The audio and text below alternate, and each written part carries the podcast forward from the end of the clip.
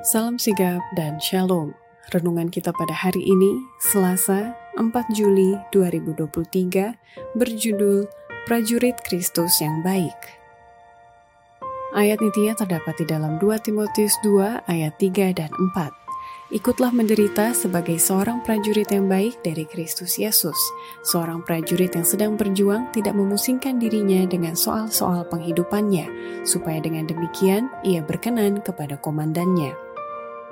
Pada Inspirasi menuliskan yang dimaksud dengan judul renungan kita pagi ini, Prajurit Kristus yang Baik, adalah sebuah panggilan kehidupan yang praktis agar kita senantiasa menunjukkan sukacita pelayanan sebagai faktor yang menunjang kebahagiaan sejati dan sarana untuk memulihkan hubungan kita secara vertikal kepada Tuhan dan horizontal dengan sesama sebagai berikut.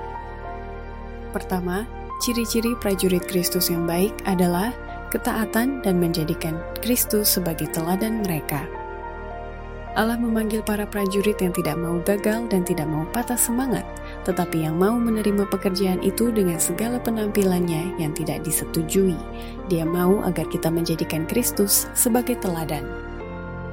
Kedua, ciri-ciri prajurit Kristus yang baik adalah mereka berpakaian senjata lengkap dari surga dan maju berperang tanpa rasa takut dan tidak berhenti berperang sebelum setiap jiwa di sekitar mereka menerima pekabaran kebenaran zaman ini.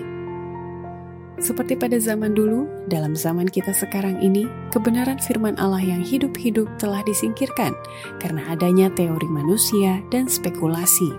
Tetapi para pesuruh Allah yang setia maju terus dengan pekerjaannya. Disalut dengan pakaian senjata lengkap dari surga, mereka maju tanpa rasa takut, tidak berhenti berperang sebelum setiap jiwa di sekitar mereka menerima pekabaran kebenaran zaman ini. Ketiga, Ciri-ciri prajurit Kristus yang baik adalah melatih diri dengan sungguh-sungguh untuk menghadapi musuh dan berlatih mengadakan serangan kepada musuh, termasuk dalam keadaan darurat. Berjam-jam lamanya tentara dilatih melepaskan rangselnya dan mengenakannya kembali di tempatnya.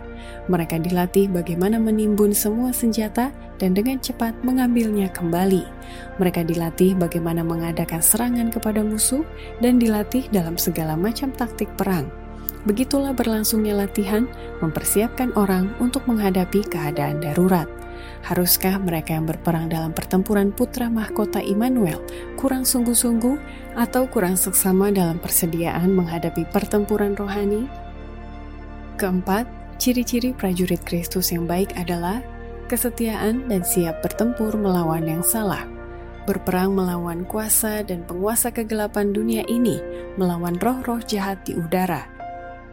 Dia memanggil orang-orang yang setia bertempur melawan yang salah, berperang melawan kuasa dan penguasa kegelapan dunia ini melawan roh-roh jahat di udara.